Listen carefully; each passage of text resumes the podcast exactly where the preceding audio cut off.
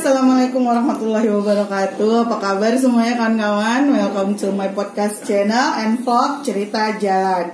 Kali ini di, hari Minggu yang ceria ini kita akan ngepodcast bareng bersama Afif Nabawi. Yeay, siapakah dia?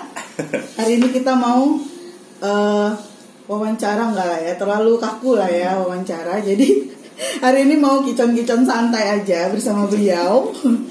Jadi tema kita kali ini adalah seniman muda berkarya. Kenapa? Karena di usia yang masih belia, beliau ini udah banyak menghasilkan karya ya, karya musik uh, terutama. Uh, dan uh, saya udah booking naksir beliau dari jauh-jauh hari. Kenapa? Karena saya semangat uh, untuk pengen tahu uh, kegiatan beliau, terus karya-karyanya uh, didistribusikan di mana. Soalnya uh, kita juga harus tahu gitu kan uh, beliau ini ngapain aja sih uh, apa sih latar belakang pendidikannya misalnya gitu. Dan dia itu siapa gitu. oke okay, kita mulai aja. Okay. uh, apa kabar Afif? Alhamdulillah baik. baik. Lagi lagi. Ini sebelumnya aku mau apa dulu? Apa, apa disclaimer disclaimer dulu oh disclaimer. Biasanya kalau aku di wawancara di radio atau uh -huh. di mana-mana aku terkenal dengan jadi biasanya kayak kalau banyak bicara gitu gak apa-apa ya kak? Oh gak apa-apa Maksudnya kayak, podcast itu memang harus banyak bicara iya, Maksudnya kan biasanya kan ada beberapa orang yang kalau misalnya ngomong di uh -huh. radio atau di mana dia pasif cut gitu ya Dia pasif karena banyak ditanyain kayak uh -uh. Kalau aku malah justru kayak Oh bagus itu karena saya udah gak capek-capek lagi untuk bertanya kan gitu Iya iya iya iya Itulah ceritanya uh -uh. Jadi uh, jadi tema kita kali ini ya seniman muda uh, seniman muda berkarya. Jadi Yo uh, saya sudah mengklarifikasi, eh, mengklaim Anda adalah seniman gitu kan. Jadi coba perkenalkan dirinya secara nyaman aja deh gitu. Jadi uh, kenalin namaku okay. Mawar. Jadi uh, namaku Afif Nabawi. Uh -huh. Kalau dari private life-nya aku sekarang lagi uh, kerja sama S2. Oh, Perlu disebut nggak sih di mana saya? Maksudnya uh, Major, basic basic uh, majornya aja kali uh -uh. ya. Majornya di psikologi. Oh, psikologi. Ya, psikologi yeah, pendidikan. Yeah. Jadi yeah, yeah, yeah. Uh, lagi ya alhamdulillah udah selesai gelar psikolog. Jadi kan kayak ada dua gelar itu kan. Uh -uh. Uh, gelar psikolognya udah dapet tapi lagi ngejar uh, lagi tesis lah kasarnya gitu. Iya iya iya iya. Itu sambil kerja terus kemudian itu kalau private life-nya kalau misalnya ini uh, secara musisi aku uh, gitaris. Oh, ya. gitaris. Biasanya orang orang aku tuh kayak gitaris gitu kan dan hmm, dulu aku dulu aku dari zaman SMA tuh kayak uh, anak festival gitu. Oh, kan, pensi pensi. Iya, ya, dulu kan iya, nanti iya. kita bicara masalah skena musik iya, gitu kan. Iya, jadi iya, kayak iya. dulu anak festival jadi dulu itu kenal bukan terkenal sih misalnya kayak dulu dikenal sebagai gitaris mm -hmm. sampai sekarang juga masih main gitar lah gitu kasarnya kan dari 2006 gitu mm -hmm. Terus uh, orang kenal aku sebagai gitaris nama bandnya Garside. Oh Garside. Alhamdulillah kemarin udah sampai ke Jakarta juga, uh, hmm. uh, with the Fest namanya. Oh iya iya, with the Fest. Hmm, oh. Nanti Jokowi datang segala macam. Iya iya iya. Terus iya, iya. Uh, kalau secara solo aku kemarin baru main di North Sumatera Jazz Festival mm -hmm. kemarin dan uh, aku udah punya satu album dan satu EP. EP itu kalau orang awamnya kayak mini album gitu mini album hmm. Artinya itu solo indie lah ya untuk sebagai gitaris gitu atau uh, sama anak band di uh, album itu gitu ya jadi kalau kalau digabung dengan band aku berarti aku udah punya tiga tiga apa ya tiga rilisan lah gitu oh gitu karena kalau Garset kan Garset udah rilis satu mini album juga jadi aku udah punya dua kasarnya kayak udah punya tiga album gitu oh gitu kasarnya. jadi uh, latar belakang uh, pendidikan psikologi gitu kan. Hmm. Terus kenapa bermusik gitu? Oh. Apakah itu hobi, hobi yang diteruskan atau dan uh, lanjut S2-nya juga psikologi lagi gitu kan? Ada apa dengan perbandingan yang terlalu jauh itu, Nak? uh, aku ngerasa kayak ini aku cerita panjang lagi nih. Uh, nggak masalah, nggak masalah. Ini kayak drag back dari zaman SMP. Uh Kayak anak-anak SMP, aku tuh masuk, maksudnya kayak aku masuk kelas dulu tuh ada kayak kelas akselerasi gitu kan kan mm-hmm. nah aku masuk kelas bilingual oh bilingual yang gurunya kalau ngajar matematika pakai bahasa Inggris kayak uh, uh, uh, Iya iya iya iya iya. Maksudnya matematika atau Itu fisik? sekolahnya di Medan. Di aku nggak sebut sekolah tapi uh. ya salah satu sekolah yang lumayan terkenal di Medan. Di Medan ya ya. ya. Kayaknya ya. saya tahu itu di mana. Ya. Jadi uh. dia kayak kemarin itu kayak kayak kami deh kayak uh. kelas bilingual terakhir gitu. Jadi kayak kayak kunci percobaan gitu lah kasarnya. Oh, iya, iya, Terus iya, habis iya. Uh, jadi di situ aku kayak nggak pandai aku benci IPA sebenarnya Uh, uh. gitu kayak aku nggak aku nggak ngerti matematika IPA lalala segala macam Uh, uh. gitu kan jadi waktu SMP dulu aku mencari identitas itu kayak anak SMP Wah, dulu kan terlalu eh, apa namanya masih kecil udah cari identitas iya, ya. terlalu terlalu dini, terlalu dini. Bagus itu potensinya udah kelihatan dari sejak remaja kan gitu.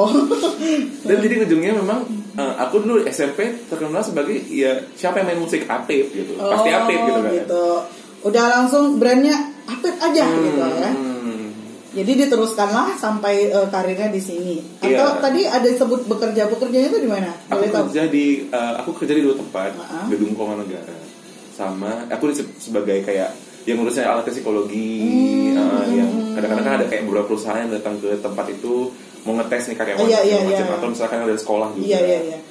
Artinya di dua jalur ini diseriusin gitu ya. Maksudnya di eh, kerjaan tetap tadi sama dengan karir bermusik gitu. Iya, satu lagi aku juga ngajar kan Oh, ngajar. di Universitas Sari Mutiara kan di situ jadi Oh, ya Pak dosen. kan baru ngajar di tiga loh itu Iya, masih honorer ya malum lah ya Ya. Indonesia. terus lanjut. jadi hmm, kayak ya fokus di dua itu tapi kalau kayak psikologi itu memang aku suka ngobrol kan ya kelihatan sekarang kan Iya, aku suka iya, iya, ngobrol iya. kayak aku suka dengerin orang juga gitu jadi kayak mas di, di mana nih jalur IPA yang gak banyak matematikanya dan kayak bisa banyak komunikasinya dari psikologi gitu kan dan secara marketing kok secara, secara strategi gitu cowok di psikologi itu masih jarang Oh iya iya. Ya, kalau- banyak ibu-ibu ya. Iya, penting kok psikolog-psikolog itu atau HRD HRD pasti banyak ibu-ibu gitu kan. Iya, iya. Sehingga lebih inilah. Terus kemudian Jadi relate lah sama sekarang ini. iya, gitu. dan kemudian jadinya kalau yang masalah musik dulu sempat mau ini Kak, kayak mau tren kan tren sih. Kayak ada beberapa aku nggak sebut siapa musisinya lah, tapi ada beberapa yang hijrah gitu. Mm-mm. Jadi 2000 aku rilis album 2014, 2015 main terus kan. Terus 2016 itu aku sempat kayak berhenti karena ngerjain skripsi dan magang bareng jadinya. Oh. Itu mati sih memang kayak bukan mati, aku yang mati maksudnya ngerjain skripsi sama magang sekalian gitu kan. Ya lelah kali gitu Iya, ya. nah, kayak kayak kayak ngerjain lagu masih, tapi kalau Ah. kayak manggung kayak milih-milih gitu jadinya. Kalau sekarang kan kayak manggung bisa ayo kosong, gitu, hajar, ayo hajar gitu ya kan. Hmm. Nge-podcast ayo. Hajar. Padahal eh, malum lah ya, channelnya juga masih sangat-sangat rilisnya baru gitu kan. Ya Jadi lah. beliau nih masih mau tuh sangat alhamdulillah Yes. sayanya gitu. Kita super lah. Jadi su- support system ya kolaborasi gitu.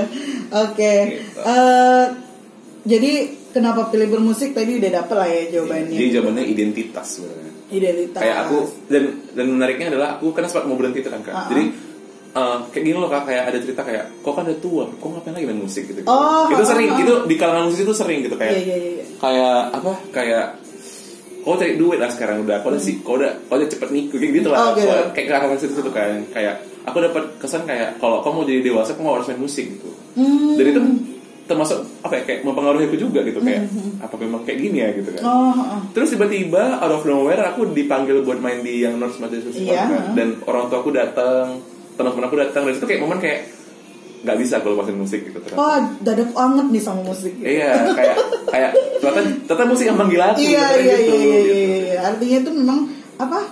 eh, life calling apa sih istilahnya? Iya, iya, Eh, apa panggilan jiwa gitu gitu ya. Iya, panggilan hidup lah. Maksudnya ya ini ini hidupku, ini bahagianya Iya, gitu. iya. Inilah Betul, betul. bahagianya gitu kan. Oke, eh, yang tadi eh, segmen pertama udah paham lah ya Vivi itu siapa. Eh, nanti kita kulik lagi lebih dalam di segmen kedua. Em, jadi jangan ke mana-mana, dengerin lagi. Oke, baik. Oke. Yaps, ini di segmen kedua kita kita eh, lebih dalam lagi cerita tentang karya oleh seorang Afif ya sebagai seniman muda berkarya tadi.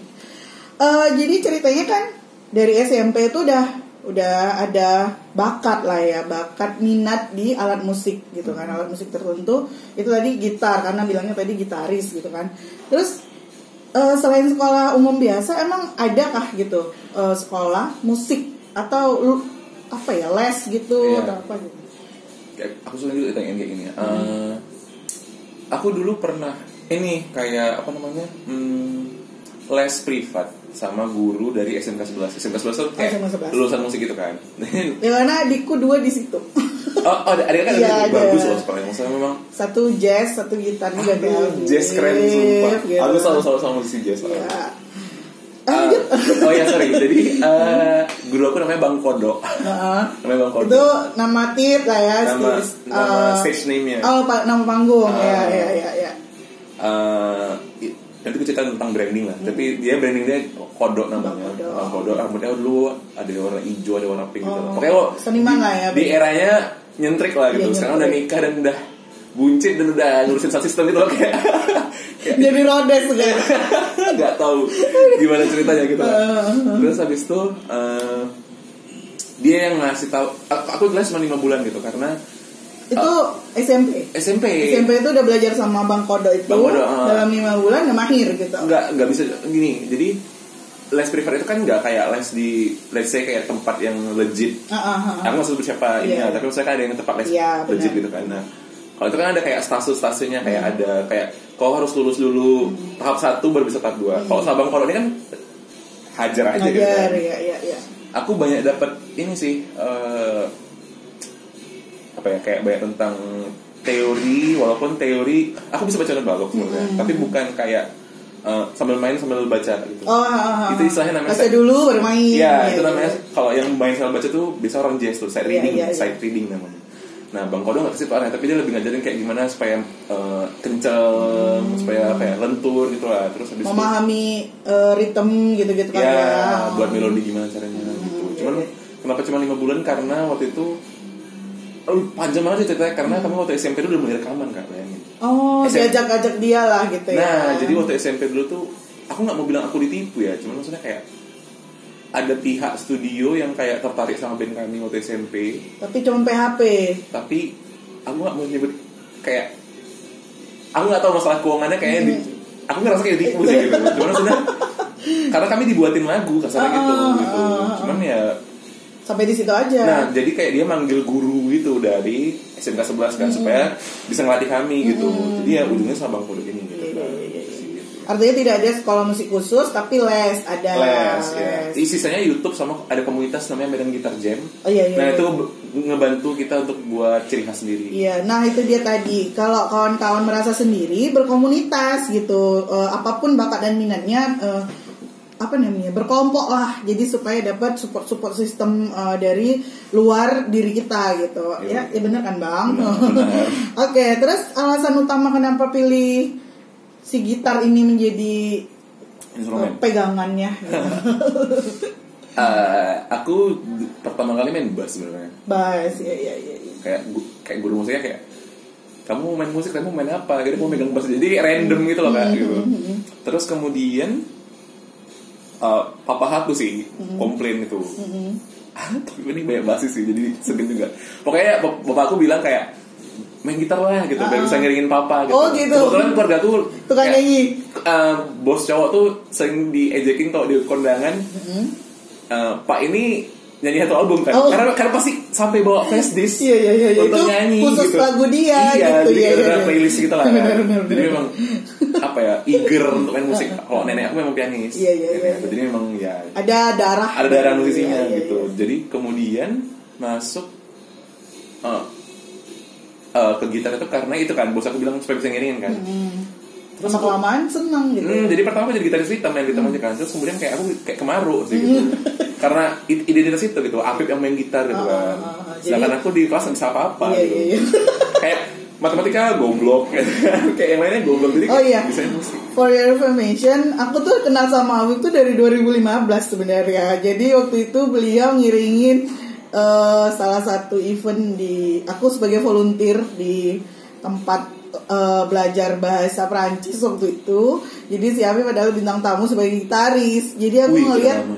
Ya lama banget kan, Iya, iya, empat iya. tahun yang lalu. Jadi gue ngeliat perkembangan beliau kan eh, nge-add IG lah dulu ya langsung gitu kan. Perkembangan kok eh, maksudnya konsisten. Nah aku suka sama orang-orang yang konsisten meskipun uh, tidak bergelimangan materi misalnya gitu. Tapi dia konsis dalam hal yang dia sukai gitu. Misalnya kayak aku gitu. Meskipun ngeblok ala-ala tapi alhamdulillah gitu kan. Maksudnya kayak Afif gitaris sampai sekarang dari dulu aku kenal gitu. Nggak nggak berubah haluan gitu misalnya ya kan. Oke uh, lanjut di tadi alat musik uh, kenapa pilih gitar. Terus kan udah buat karya nih udah manggung juga udah album juga gitu kan. Terus distribusinya itu ke mana gitu? Uh, jadi kalau ini kan udah cerita masalah kayak distribusi kan, berarti hmm. dulu waktu album ceritanya aku kayak iseng aja gitu kak, uh, kayak buat lagu gitu kan, untuk komunitas main gitar jam tadi itu gitu, kayak mau bikin, bikin kompilasi, kemudian uh, ada namanya Piturum, aku harus sebutin namanya Piturum. Piturum ini itu apa? Piturum itu kayak skena musik, atau kalau orang awam bilangnya bukan skena sih, orang awam bilangnya kayak ruang, ruang seni. Ruang. Jadi uh, orang kalau misalnya mau baca puisi, mau showcase lukisan, mau main musik di ruang seni. Hmm, gitu. Platform lah. Gitu. Platformnya. Ah. Jadi di Medan itu ada banyak nanti aku sebutin beberapa dan itu penting untuk orang tahu. Iya biar tahu ke mana arah. Ya. Tujuan hidupnya Iya karena karena aku selalu dengar banyak musisi-musisi Medan Ke mana ya? Iya, ke mana ya? Gitu. Satu pertanyaannya, aku main musik bang di mana ya? Uh, uh, gitu. bener, Aku mau showcase karya aku di mana ya? Atau kayak gini, bang abang kok bisa main di situ ah. itu sering kali ditanya iya, iya, iya. sekalian nanti ya dipromosiin aja nggak apa-apa aku bakal kasih tahu gimana cara main di situ uh, di situ lah terus uh, ada aku lihat kemarin di udah di Spotify itu karena apa ya Hmm, tunggu, jadi masalahnya waktu yang di album itu aku diproduserin kak. Oh. Nah, jadi Piturum itu seneng ya diproduserin gitu. Kak, kalau aku bikin album misalnya 9 lagu uh -huh. sendirian pakai duit sendiri yeah. meninggal. Karena kan catat ya. Jadi udah ada manajer Pak ya belum? Uh, waktu itu dia lebih karena kayak uh, dia uh, distributor dan produser aja. Jadi uh, zaman dulu tuh belum ada manajer kalau aku. Uh, uh, Karena kan instrumental kan. Iya, iya iya iya. Dan market instrumental tuh kan gak gede kan. Gak gede. Dan orang-orang tertentu aja yang. Sorry tuh saya, sorry tuh saya misalnya gini.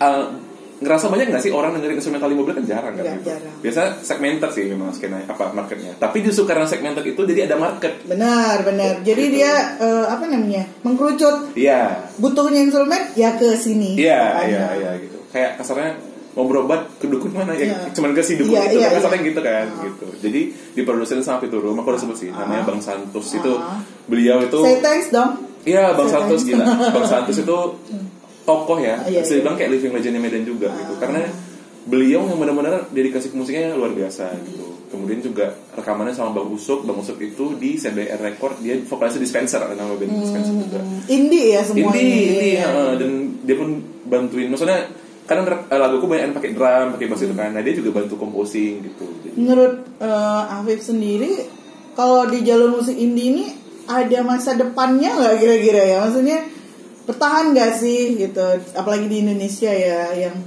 harusnya dalam beberapa tahun belakangan harus punya kayak apa sih rumah produksi ya namanya hmm, hmm. Yang nama-nama besar kayak uh, Sony misalnya hmm. atau apa yang terkenal itu lah yang udah menghasilkan band-band besar gitu kalau dari Afif sendiri kacamata Afif itu gimana kira-kira bisa nggak bertahan gitu uh, ini juga masuk di pertanyaan Instagram aku soal kemarin oh iya uh, pas tuh pas banget jadi kayak pertanyaan dia tuh kayak gini dari Arif ya, aku uh-huh. Arif Fatur namanya uh-huh. uh, Bang bisa nggak ya musisi lokal itu nggak harus ke Jakarta untuk uh-huh. jadi nasional uh-huh. gitu skala nasional. Kalau aku rasa bisa kali pun uh-huh. gitu bisa, cuman dia harus sering dia harus well informed. Uh-huh. Well informed maksudnya adalah dia harus tahu informasi. For misalnya contohnya kayak gini uh, gimana cara dari Spotify mm-hmm. gimana cara dapetin tim iya benar kayak misalnya aku sendiri nih misalnya aku sendiri mau manggung gitu nggak bisa misalnya kayak aku mau manggung mau sosok-sosokan sendiri datang sebenarnya bisa tapi susah gitu susah, ya, ya. Aku udah sebut namanya ada namanya Anjas uh-huh. Anjas Hamzani Dato Anjas orang uh, kenalnya itu nah dia punya tim gitu uh-huh. jadi ya untuk band atau untuk uh, apa solo itu uh-huh. aku rasa perlu juga tim gitu yeah, tuh yeah, yeah, yeah. nggak cuma ngurusin misalnya gila sesimpel kalau kau nampil uh -uh. di panggung gitu, yeah. tapi nggak ada fotografernya, uh -uh. yang nggak ada di Instagram. Iya iya benar benar nggak ada gitu. yang mendokumen. Lu ada apa enggak gitu? Iya, Eksis gitu. apa enggak gitu benar benar benar. Tuh, jadi satu well informed, mm -hmm. dua tim harus ada, tiga karya memang harus bagus. Yeah, Sorry yeah. to say Kalau kualitas di bawah uh, rata-rata uh, maaf lah ya. Iya, maksudnya aku nggak aku bil aku selalu encourage orang-orang untuk mulai berkarya, Ya, mulai. mulai dulu, Mulai. baru nanti di level up lah Hmm, gitu ya. Boleh, boleh, boleh dari yang low quality dulu nggak masalah sebenarnya. Yang penting udah berani. Memulai, memulai. Memulai itu penting gitu. Jadi tapi kalau misalnya sebenarnya aku nggak ngebatasin masalah quality kak, karena aku ngerasa kayak ada musisi yang sorry to say quality rekamannya nggak bagus-bagus Uh-uh, amat, uh-uh. tapi lagunya bagus Oh. dan meledak gitu. Iya, iya, iya, iya. Dan nggak harus dari Jakarta kok. Iya. Kayak aku boleh sebut misalnya Murphy Radio. Uh-uh. Jarang orang denger musik, tapi dia itu musiknya instrumental dan keren parah gitu. Iya. Kemarin aku gini searching searching di Spotify lagi itu eh, lagu-lagu yang viral, Hmm. lagu-lagu yang viral itu genrenya kebanyakan itu ya indie apa jalur indie Hmm. rata-rata, terus eh, grup-grup baru yang rata-rata kayak eh, puisi-puisi yang dilakukan. Ya, musik klasik puisi. Ah, ah. seperti itu gitu yang viral sekarang ini jadi milenial sekarang juga eh, maksudnya mendengar atau eh, menikmati lagu eh, menikmati sebuah karya musik itu udah pinter gitu Hmm. Iya, itu bagus. Itu itu itu sebenarnya bahasa orang musisi kan. oh ya Musisi sekarang itu ngerasa bahwa market kita itu udah pintar. Kalau dulu orang cuman duduk diam, Sony Musik nawarin musisi siapa nih, misalnya musisi A, ya kita bakal dengerin dia gitu kan. Sekarang orang dengan Spotify udah bisa nyari sendiri gitu. Iya, iya. Betul kata kakak. Ah, Market sekarang udah pintar. iya jadi dia langsung ngerucut gitu kan ih aku cari lagu yang kayak kayak gini nih nikmatin yang kayak gini nih gitu Iya, Ah. iya. Jadi berarti yang mendengarkan Afif juga orangnya spesial gitu kan maksudnya Iya. memang suka instrumen, suka bahkan nggak ada sya, apa syair apalagi Lirik. lirik lirik. Bahkan nggak ada gitu kan di album album Afif.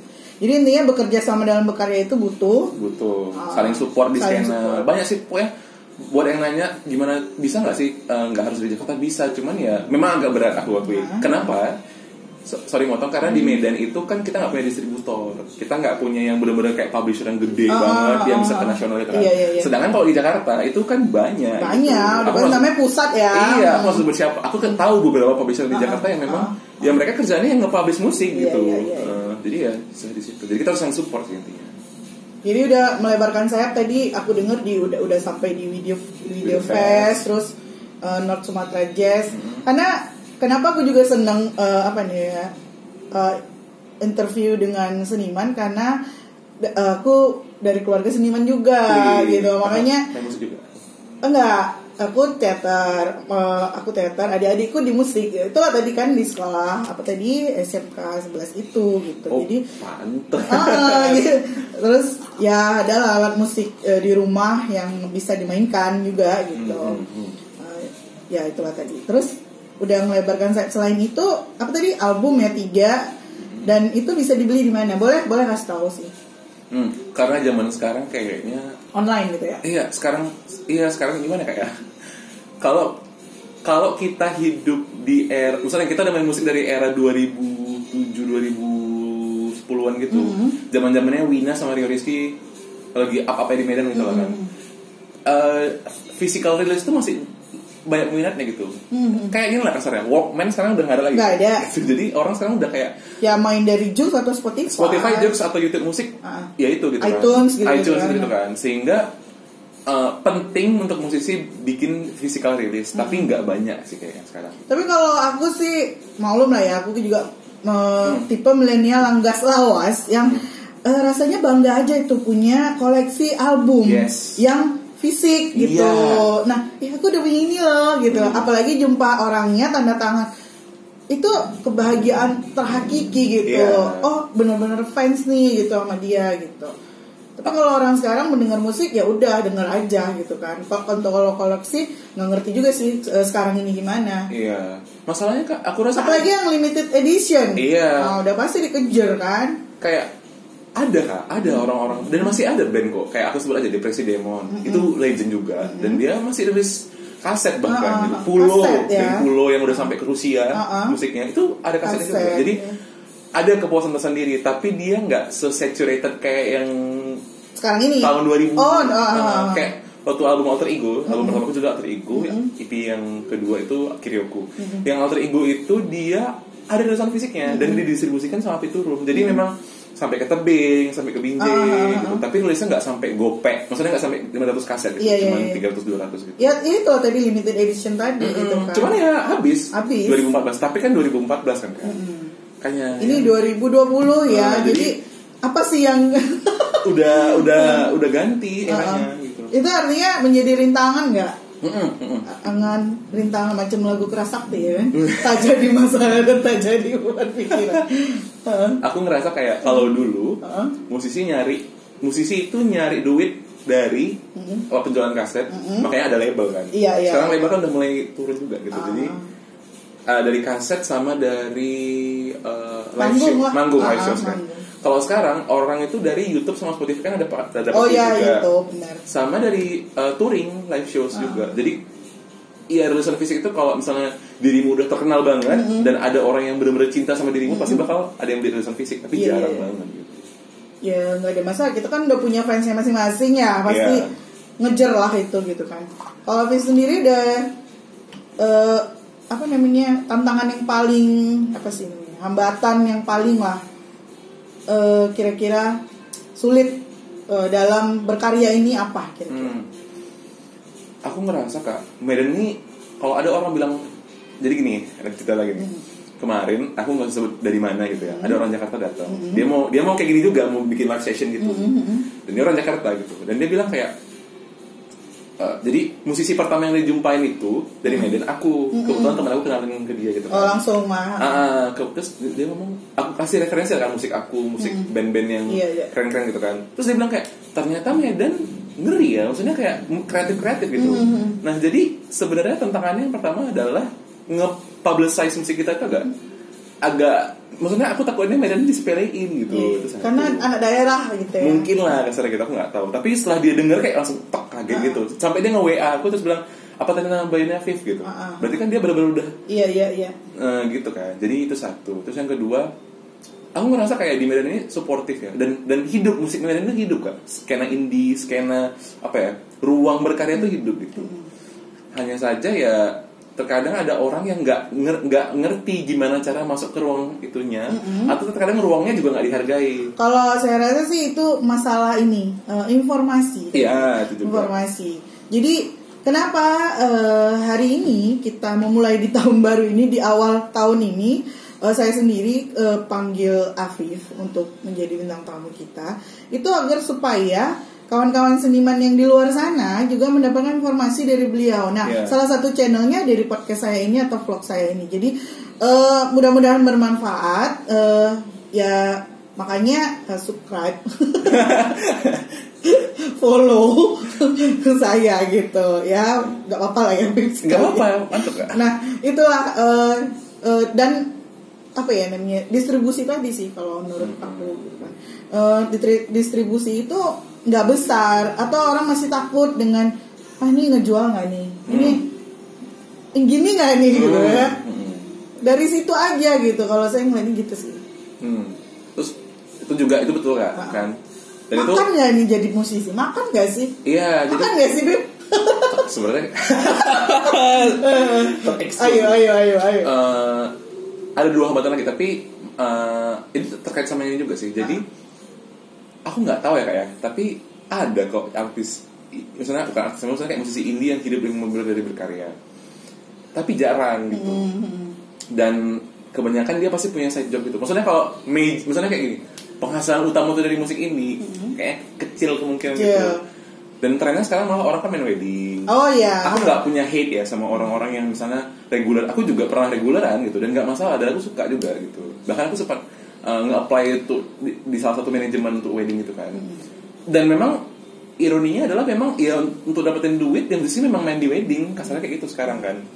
Jadi nah hambatan yang yang berkaitan dengan hambatan ini juga kebanyakan orang bikin musik indie itu bukan karena kepuasan atau karena mau ekspresif tapi karena mereka mau famous. Oh. Nah, jadi- kalau Evi mau famous atau mau kalau kasarnya kalau aku mau famous ya nggak kayak gini caranya gitu. Oh. Aku bikin aja lagu yang memang bener-bener pop yang orang banyak suka Iya, gitu. iya, iya, gitu. iya. Kasarnya kan gitu.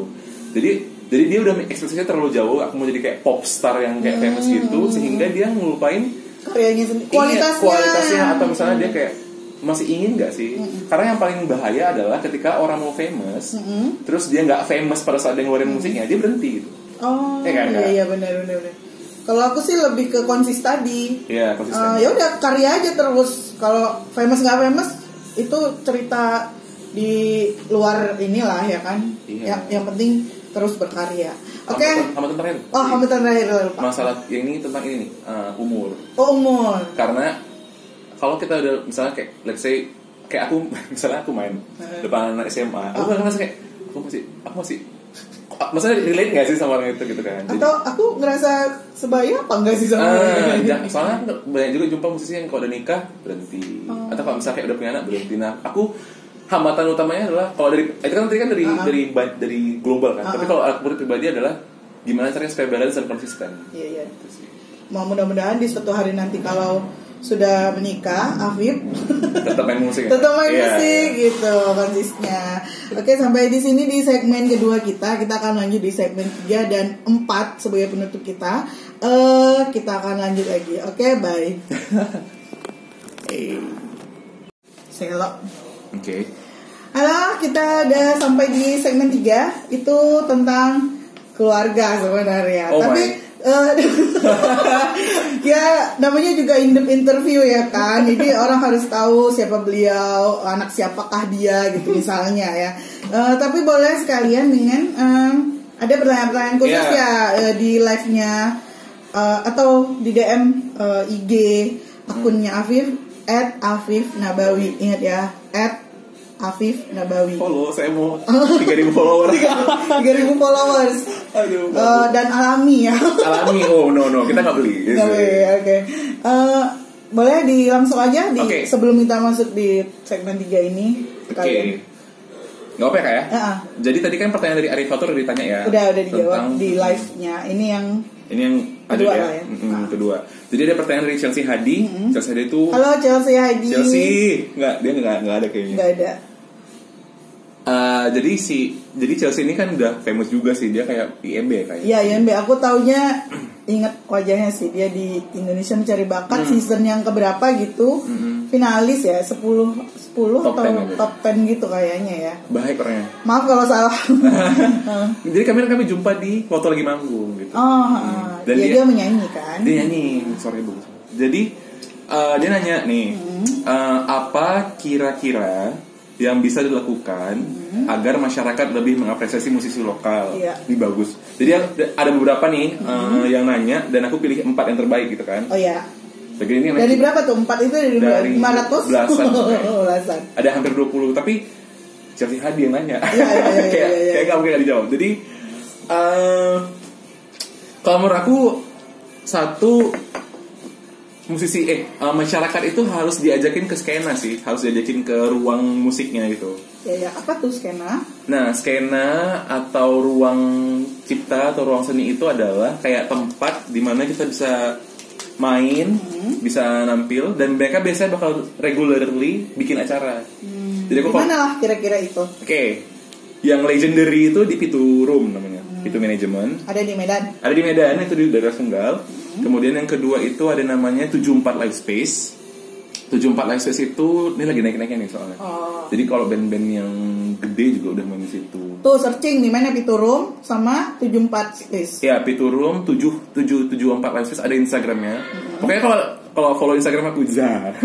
follow Instagram. follow Instagram aku. Udah dibilang tadi. itu nanti ada kayak mention-mentionan dari karena aku sering main di scanner nih. Lihat aja gitu. Oh iya iya, klik aja.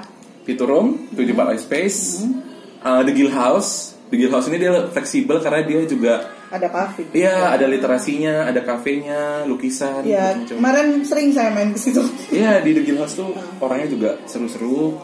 Uh, terus The Guild House apa tadi? Uh, Pitu Room. Yang le- legendary sih. Dia udah sampai kayak artis internasional juga di situ. Oh, ah, ah. Kemudian tadi 74, kemudian ada namanya Afron Medan itu di Cirurgi. iya iya iya. Kemudian ada namanya kalau sekarang tuh anak-anak SMA atau anak-anak yang muda itu sering main di Mojo Sip Dine namanya. Oh Mojo, Ya. ada kayak kafenya juga. Ya, know. sering bikin acara di situ. Iya, iya. Terus itu sih lima yang kayak lima yang lagi hot-hotnya kasarnya gitu kan. Banyak sih skena musik. Artinya kita gini juga, eh, jangan eh, ber tumpu pada orang yang memberitahu tapi kita yang mencari Yes. sendiri gitu Hmm. Eh, ke- kejar apa namanya kita kejar, Kejar bola. informasi, Iya, kejar informasi. kejar bola kejar informasi jangan kan eh di mana sama siapa dengan siapa gitu gitu loh oke pertanyaan Chelsea tadi udah terjawab Iya, jadi intinya Bagaimana? sih, intinya sih kita sebagai musisi ya harus iya kita yang edarin gitu. Edarin, Misalnya dari iya. teman ke teman makanya itu sayang sepatu penting kan. Iya, iya. Misalnya aku sama ada teman aku namanya Farid. gitu. Uh-uh. Ya Farid kan misalnya mungkin aku yang lebih banyak exposure-nya. Ya aku tetap support Farid. Iya, gitu. benar. Ada juga rapper namanya Bang Jerry, jadi fundamental tuh top juga. Mm-hmm. Oh, satu lagi skena kalau mau hip hop namanya Domain. domain Wih, itu kalau hip hop nyarinya hip hop atau anak beatbox itu bukannya semua bisa pokoknya pokoknya pokoknya eh, hip hop beatbox semua bisa di situ iya iya iya iya. jadi nah, yang yang kayak top people nya top personnya tuh bang Jerry fundamental Naruto gitu Artinya jangan berkecil hati. Tetap ada eh, meskipun ini di Medan tetap pasti ada orang yang em, bis- eh, mau mengapresiasi karya-karya kita Hmm. gitu. Contohnya kan udah ada di depan kita ini Mr. Afif itu nggak mungkin dia berkarya sampai sekarang kalau dia nggak diapresiasi. iya Ah, itu terus sama eh, distribusi dan support sistemnya yang udah eh, berjalan baik Iya. gitu kan. Dan itu juga harus support jadi Iya, benar. saling support itu Saling support. Ada lagi? next Next. ya kemudian nih dari bang Febri oh, bang Febri ini Ah. main perkusi Oh. Febs Ritam nama instagramnya dan dia itu manajer Riliski dulu Hmm. asik nih orangnya Ah, pertanyaannya adalah Eh, aku jadi teringat sama Bang Febri. Apakah mus ini bagus nih? Apakah musisi Medan sudah bisa bertanggung jawab atas karyanya? Well, Ayo, tanggung jawab kah? eh, aku aku sejujurnya ini bingung jawab karena bertanggung jawab ini konteksnya bisa satu. Iya. Kalau rekaman kau kayak gitu, Uh-uh. kau nggak bisa nggak mainin live-nya?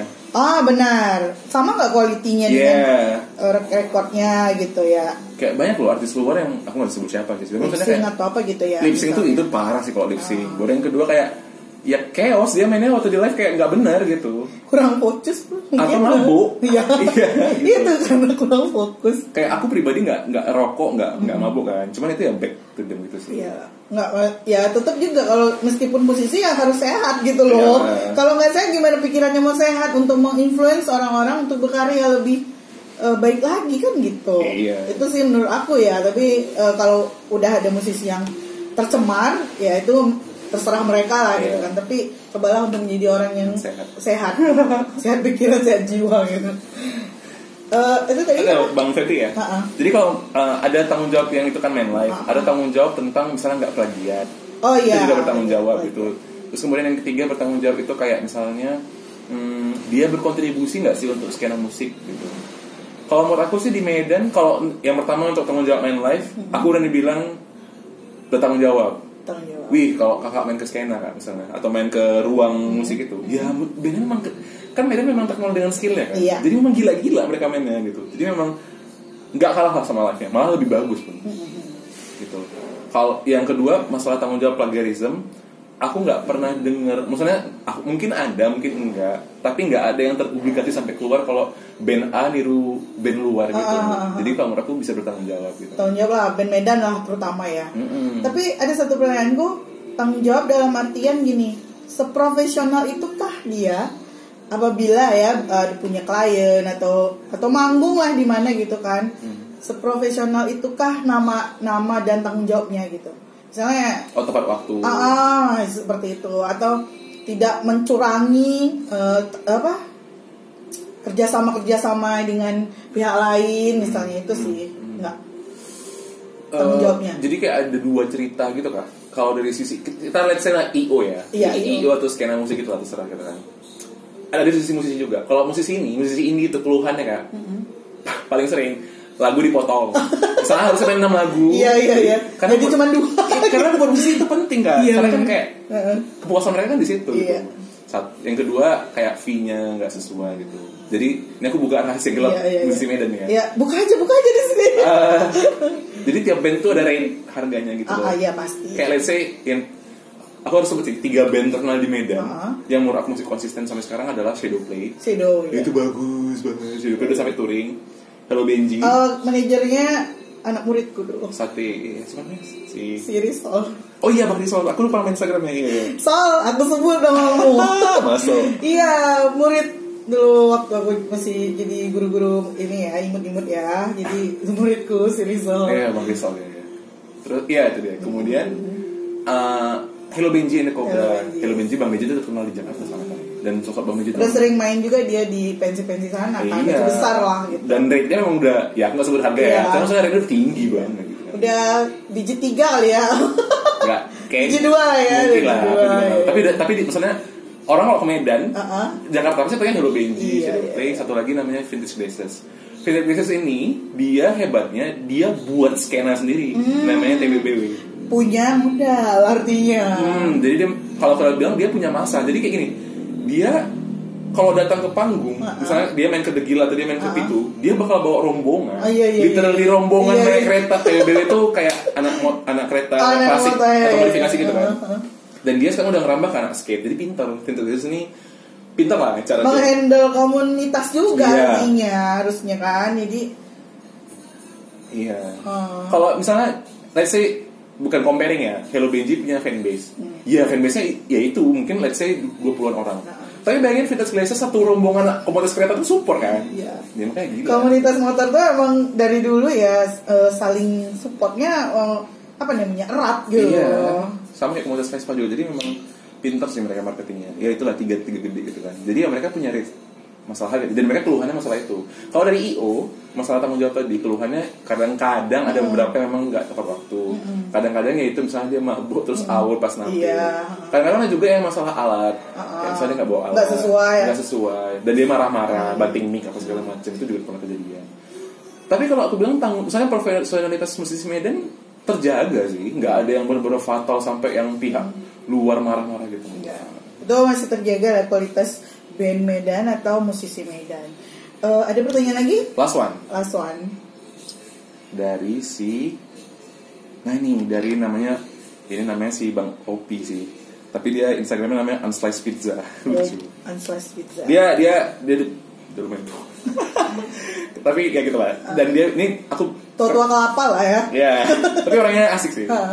Eh, apa pendapat kau tentang musisi yang sering dijudge negatif? Ah, Kayak gaya, gaya hidup rock and roll. oh ya Eh, tadi itu kan Iya, aku juga- artinya tidak bertanggung jawab dan harusnya hidup sehat kan Iya, kayak aku banyak kok, liat- kayak aku aku pribadi bukan jadi example ya, misalnya aku juga ngerokok, aku aku bahkan minum kopi kan Hmm, gitu.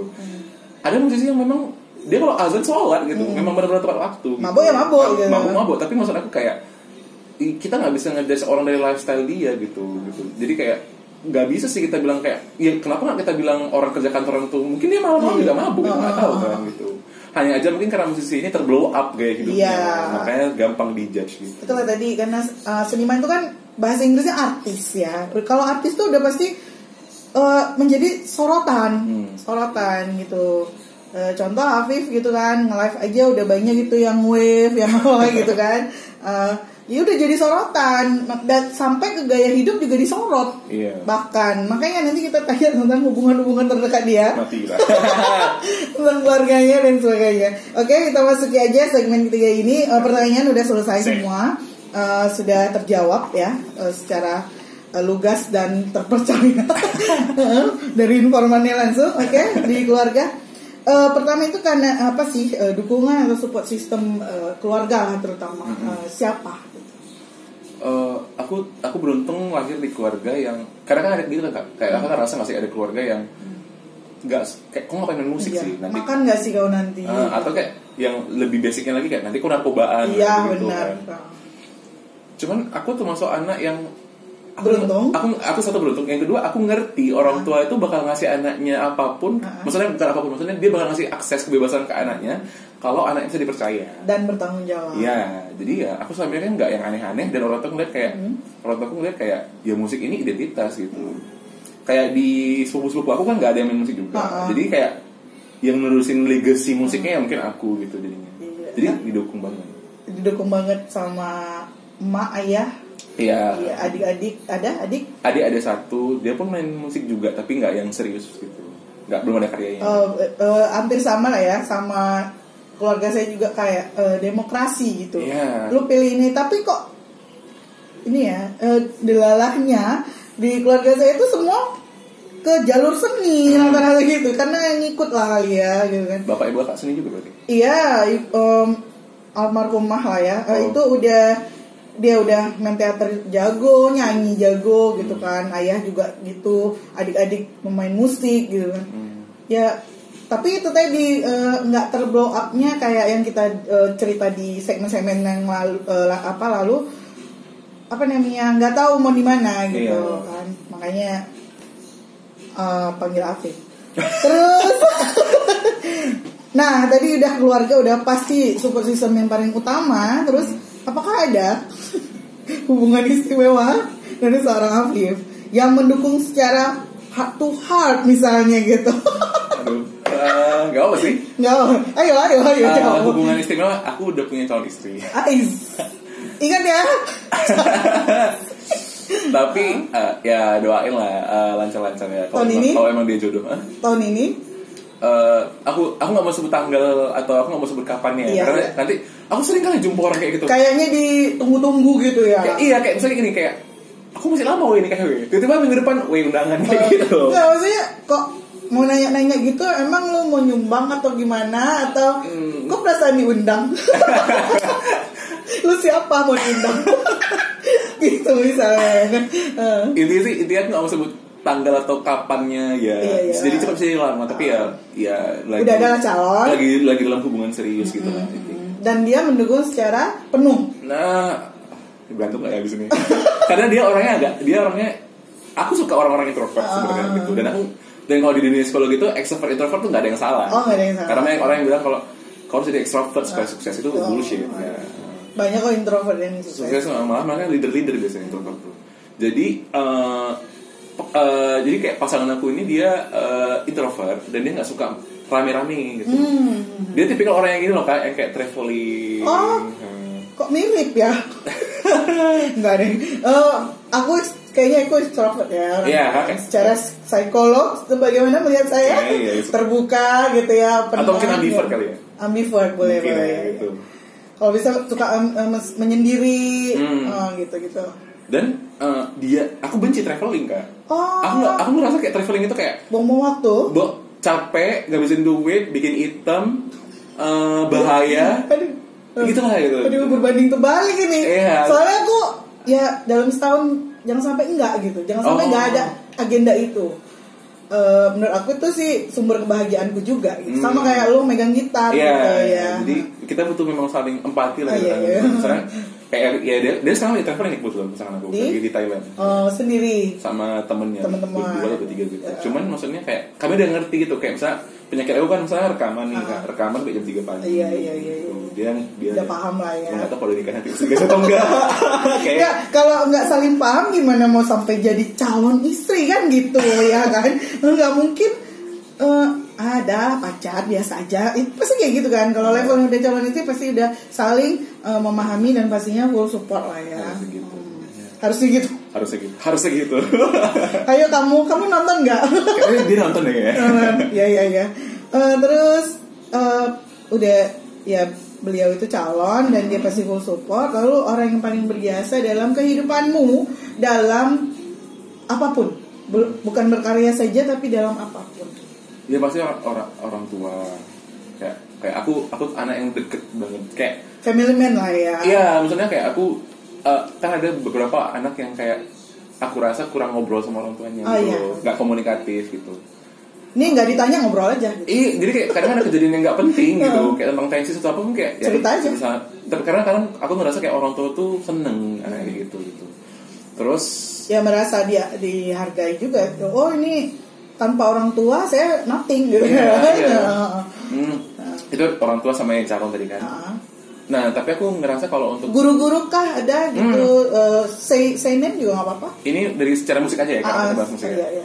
Menurut aku yang yang paling biasa tuh guru SD aku namanya Pak Junta dan aku dari SD udah main seruling gitu loh kak yang recorder yang- Hmm, dan dia selalu support kita dari mulai segitu Ah, kecil gitu kan. dan bayangin kayak anak SD main recorder yang air keluar di bawah itu astagfirullah kalau aku ingat kayak Memang gitu tahapnya Kayaknya kalau nggak keluar ences-ences itu iya kan. nggak main seruling kan? Iya. Eh recorder recorder. Jadi kan kami jadi aku udah mulai baca nomor bawah waktu, waktu SD udah gitu. jadi, diajarin ya. jadi kan manggung nih gitu kan. Uh satu satu pakai Satu seruling. kelas lah ya. bener-bener di hotel gitu kan manggung. Terus kan teks tapi kan nggak punya teks apa sih yang stand teks itu? Ah, ah, ah, ah. kan teksnya di bawah. Iya, iya. serunya kan jadi ke bawah. Jadi air itu nanti astagfirullah itu gila sih. Itu kayak aku, itu aku, aku lupa. salah satu sejarah legend dia gitu jadi Baru, baru eh, SMP guru aku nggak terlalu berkontribusi sih yang ini itulah tadi yang guru les tadi mungkin mau Ah ya Bang Kodo, kalau SMA nah aku harus sebut SMA aku, anak harapan, Uh-uh. harapan satu, itu pasti kenal sama yang namanya Pak Lilo. Dan Pak Lilo tuh kayak aku kalau jumpa kalau jumpa Pak Lilo nggak salaman aja kayak udah pelukan. oh iya, Gitu. iya. Deket banget karena memang dia yang nge dia bu, dia bukan cuman kayak formalitas kau belajar musik, aku kasih nilai bagus kayak gitu. Dia benar-benar ngebuat mental kita untuk percaya diri gitu. Jauh daripada musik itu. Jadi maksudnya kayak nanti kami jangan takut salah Mm-mm, kami disuruh bikin kayak aransemen musik dari SMA gitu. Terus kayak ada band Wina namanya Bang Iki, ada Rio Rizky namanya Oslo Ibrahim sekarang. Itu lahir dari zaman Pak Lilo gitu. Kami semua gitu generasi-generasi. di dari sekolah lah ya Iya, dan dan beliau memang orangnya friendly gitu. Nah, baru kemudian masuklah ke orang-orang berdesa yang lain. Aku termasuk orang yang ekstrovert sehingga aku menghargai kali teman-teman aku Kak, gitu. Aku rasa mereka bener-bener aku banyak kali teman-teman yang aku kayak saudara gitu kan. Kayak ada tiga orang namanya Najam sama Putra, dia lagi nonton juga. Itu kayak udah saudara. Kemudian ya Hai Putra terus kemudian tadi aku baru ke rumah Putra. Terus tadi eh, dia pintu manajemen sih orang itu itu yang ngeproduksi. kalau nggak ada tempat itu aku tidak bisa berkarya Hmm, kalau mereka nggak ngasih kesempatan aku untuk ngeproduserin susah gitu. Karena yang EP aku yang terbaru ini aku self produce bukan sama itu lagi oh, gitu. udah self ya Udah self karena yang modal ya, karena ya? itu juga yang tahun beberapa tahun ini udah nggak produce lagi. Oh, Nah, jadi oh, dia oh. kayak ya, kita juga cari celah lah ya ah, gitu. Jadi ya udah nggak apa-apa gitu. Tapi tetap disupport sama mereka gitu. Iya, iya. Baru kayak Garsai Garsai. hmm, yang udah misalnya lingkungan positif lah gitu kan. Baru banyak lah teman-teman aku nggak bisa sebutin tapi Iya, iya. aku ngerasa kayak mereka tuh punya cerita sendiri-sendiri dan dan support sistem dan lo juga gitu ya. kayak ada band aku yang baru namanya Venuen itu band proyekan sih itu juga orangnya bagus-bagus gitu. Oke. Eh, setelah semuanya udah kita ceritain tentang eh, support sistemnya tadi ya. Terus yang paling utama dia terinspirasi dari siapa ya? Atau musisi siapa yang yang dia cita-citakan gitu? Kenapa aku pengen jadi ini nih, menjadi seorang ini nih gitu? Boleh cerita? hmm, hmm, Pak Lilo lah ya Pak Lilo yang dari SMA itu ya Hmm. itu itu ini terus teman-teman aku di komunitas MGJ itu juga menginspirasi karena nah gini kan aku mau cerita dikit dari segi, segi musisinya Hmm. eh, vokal misalnya gini Candil sama Afgan tuh beda kenapa karena Candil lah dari gimbal-gimbal Iya. eh bukan apa namanya kriwil-kriwil Iya. sama sore ah gitu Iya, kan. iya. Kalau Afgan lah. hmm kalau Afgan kan kayak yang kacamata Uh, lu- Sendai-sendai Hmm, dengan gitu-gitu kan. dengan Nah, langsung bibitnya. Nah, itu namanya kok di musisi. branding kan? Iya, branding atau kalau istilah musisinya gimmick. Gimmick. Ya, ya, ya. Kayak misalnya aku pakai kacamata kayak gini Ah, ya. gimmicknya Ini gimmicknya. Afif. ah, Oh. Kayak Kiryoku itu kan Jepang. Jadi kalau kalian Instagram aku, album Kiryoku ke bawah itu, itu aku kayak pakai mukena, kimono. Iya. Bukan mukena sih namanya poncho, cuman kayak kayak terusan Jepang-Jepang gitu kan. Nah, itu gimmick namanya. Sekarang aku lagi interest ke eh, Itali, Itali, Itali gitu. Jadi kayak aku lebih suka lagi kayak pakai jazz atau kayak pakai dasi, Iya, nah iya, kayak iya. Italia gitu kan. Gimmicknya yang sekarang ini. Hmm, Ah. Jadi pasti kalau musisi bukan indie sih, musisi yang self produce atau misalnya kayak yang Ah. berkarya itu harus punya gimmick kok. Oh, Nah di gitar juga harus ada gitu. Yang kayak misalnya kalau Balawang atau Dewa Bujana main, Ah, ah, ah. ini pasti Dewa Bujana nih ya, iya, itu iya, penting iya. gitu. Jadi inspirasinya kayak gitu. gitarnya udah pasti Eros eh, Seven Seven beda Sama. Piu Padi Nah, beda Eh, apa lagi Roma Irama Beda, kan dengan gitar puntungnya itu. Ah, Nah itu gimmick kan. iya iya iya iya Itu penting. Yes, yes. Itu penting. Udah dapat ya informasi oh, bagus nih oh, itu gimmick dari seorang art- artis apa pun lah ya Hmm, penting. Eh, mau musisi mau Yaps, ini dia segmen terakhir eh, di Cipta Jalan Podcast.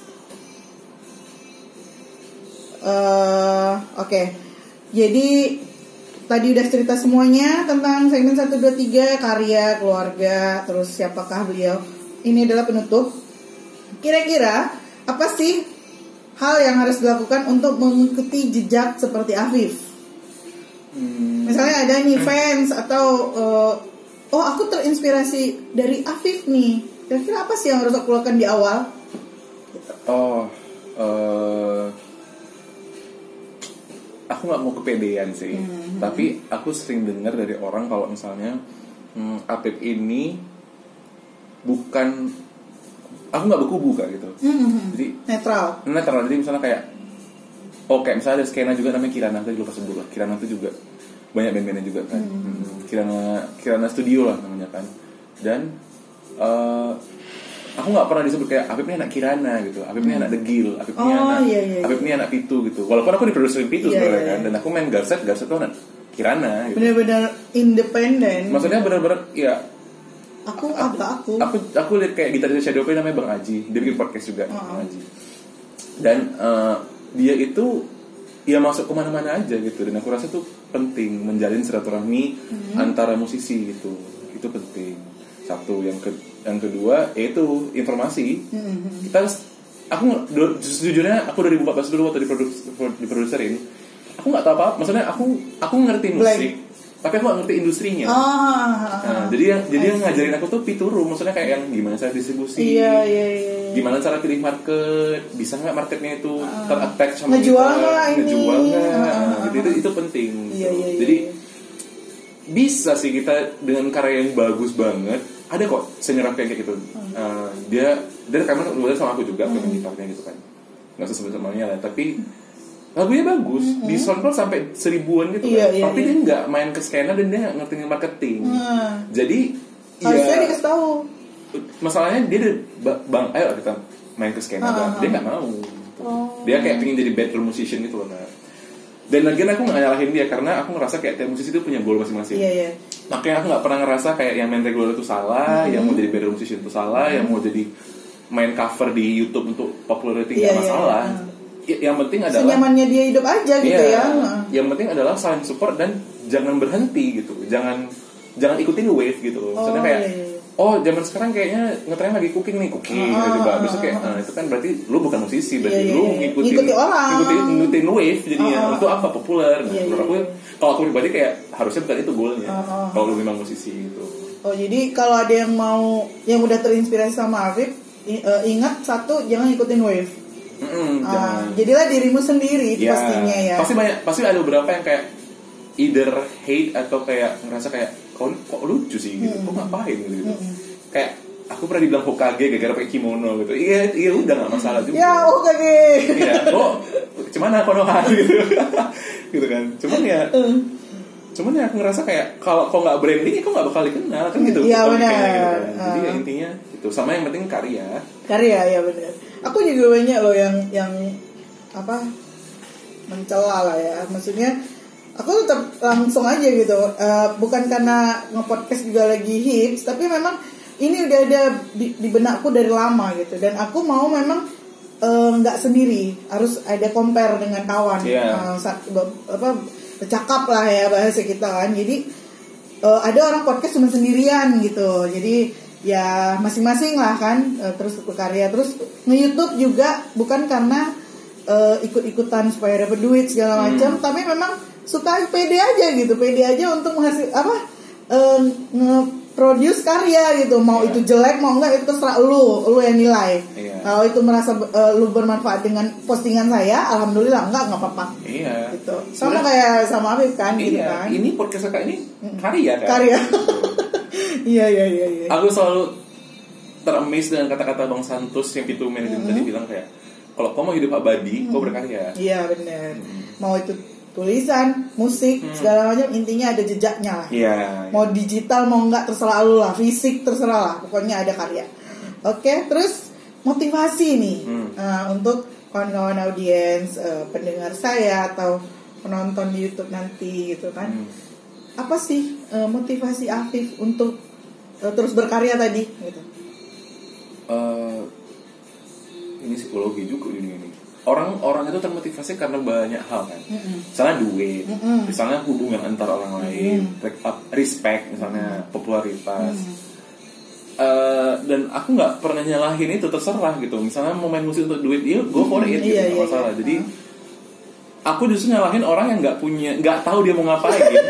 dan dia nggak dan dia satu orang yang nggak tahu mau ngapain dua orang yang ketakutan karena takut di di diejek. nah itu gimana ya itu serah sih gitu aku banyak kok teman aku yang kayak pep malu aku pep atau Hmm. pep kayak image aku kayak mana gitu ya aku nggak nyalahin mereka sih kayak gitu tapi ya Tapi belajar lah harusnya. iya maksudnya kayak ya kalau kau nggak mulai dan kau nggak ekspresin dirimu sendiri ya Mau kapan lagi? Iya gitu. Dan jadi menurut aku kayak balik lagi nggak ada orang yang bisa maksa. Misalnya nah, aku maksain kakak, kak, kakak harus buat teater sekarang kak. Aku nggak mau tahu.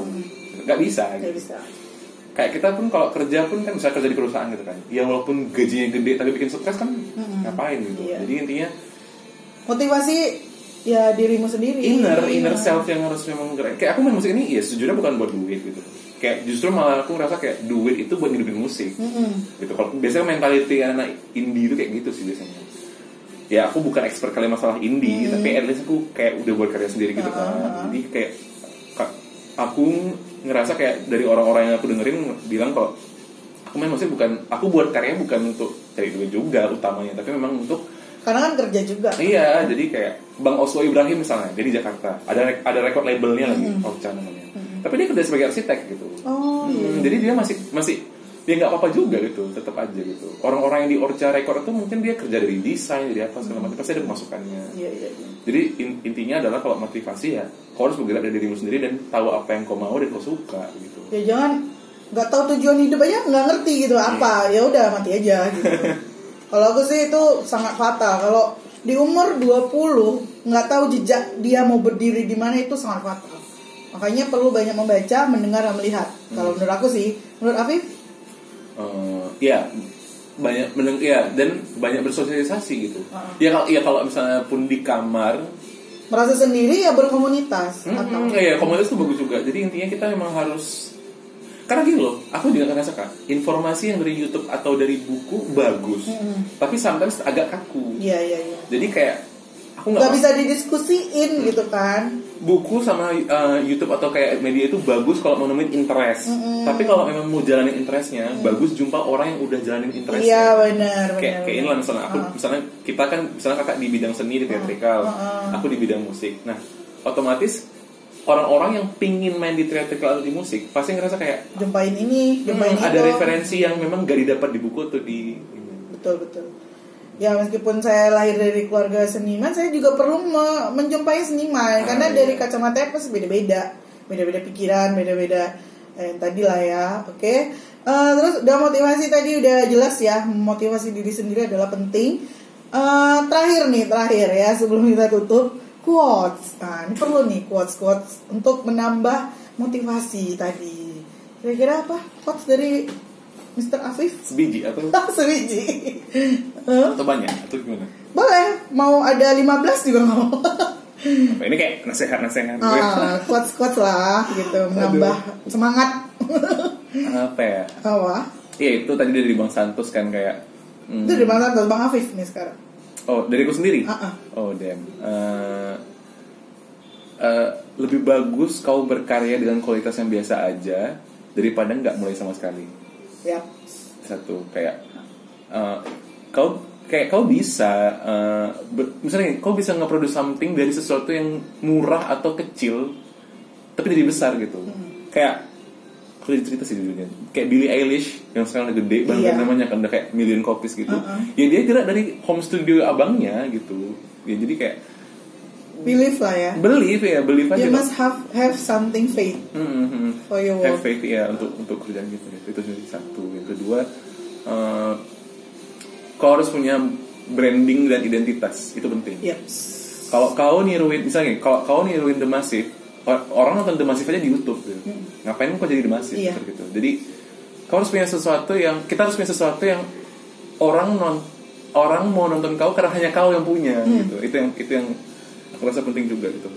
Top poinnya itu ya? Mm-mm, brandingnya gitu kan. Baru yang ketiga adalah uh, you simply cannot work alone. Jadi kayak seberapa pun introvertnya atau seberapa pun kau benci berinteraksi at least kau harus punya kayak satu tiga orang yang support dengan apa yang kau lakukan. Pertanyaan. Minta tanda tangannya oh nih tanda tangan langsung di situ ya itu tadi quotes dari eh, bang Amif ada tiga ya kan? Uh, udah denger ya semua. Uh, intinya semua adalah uh, kamu harus percaya kamu bisa.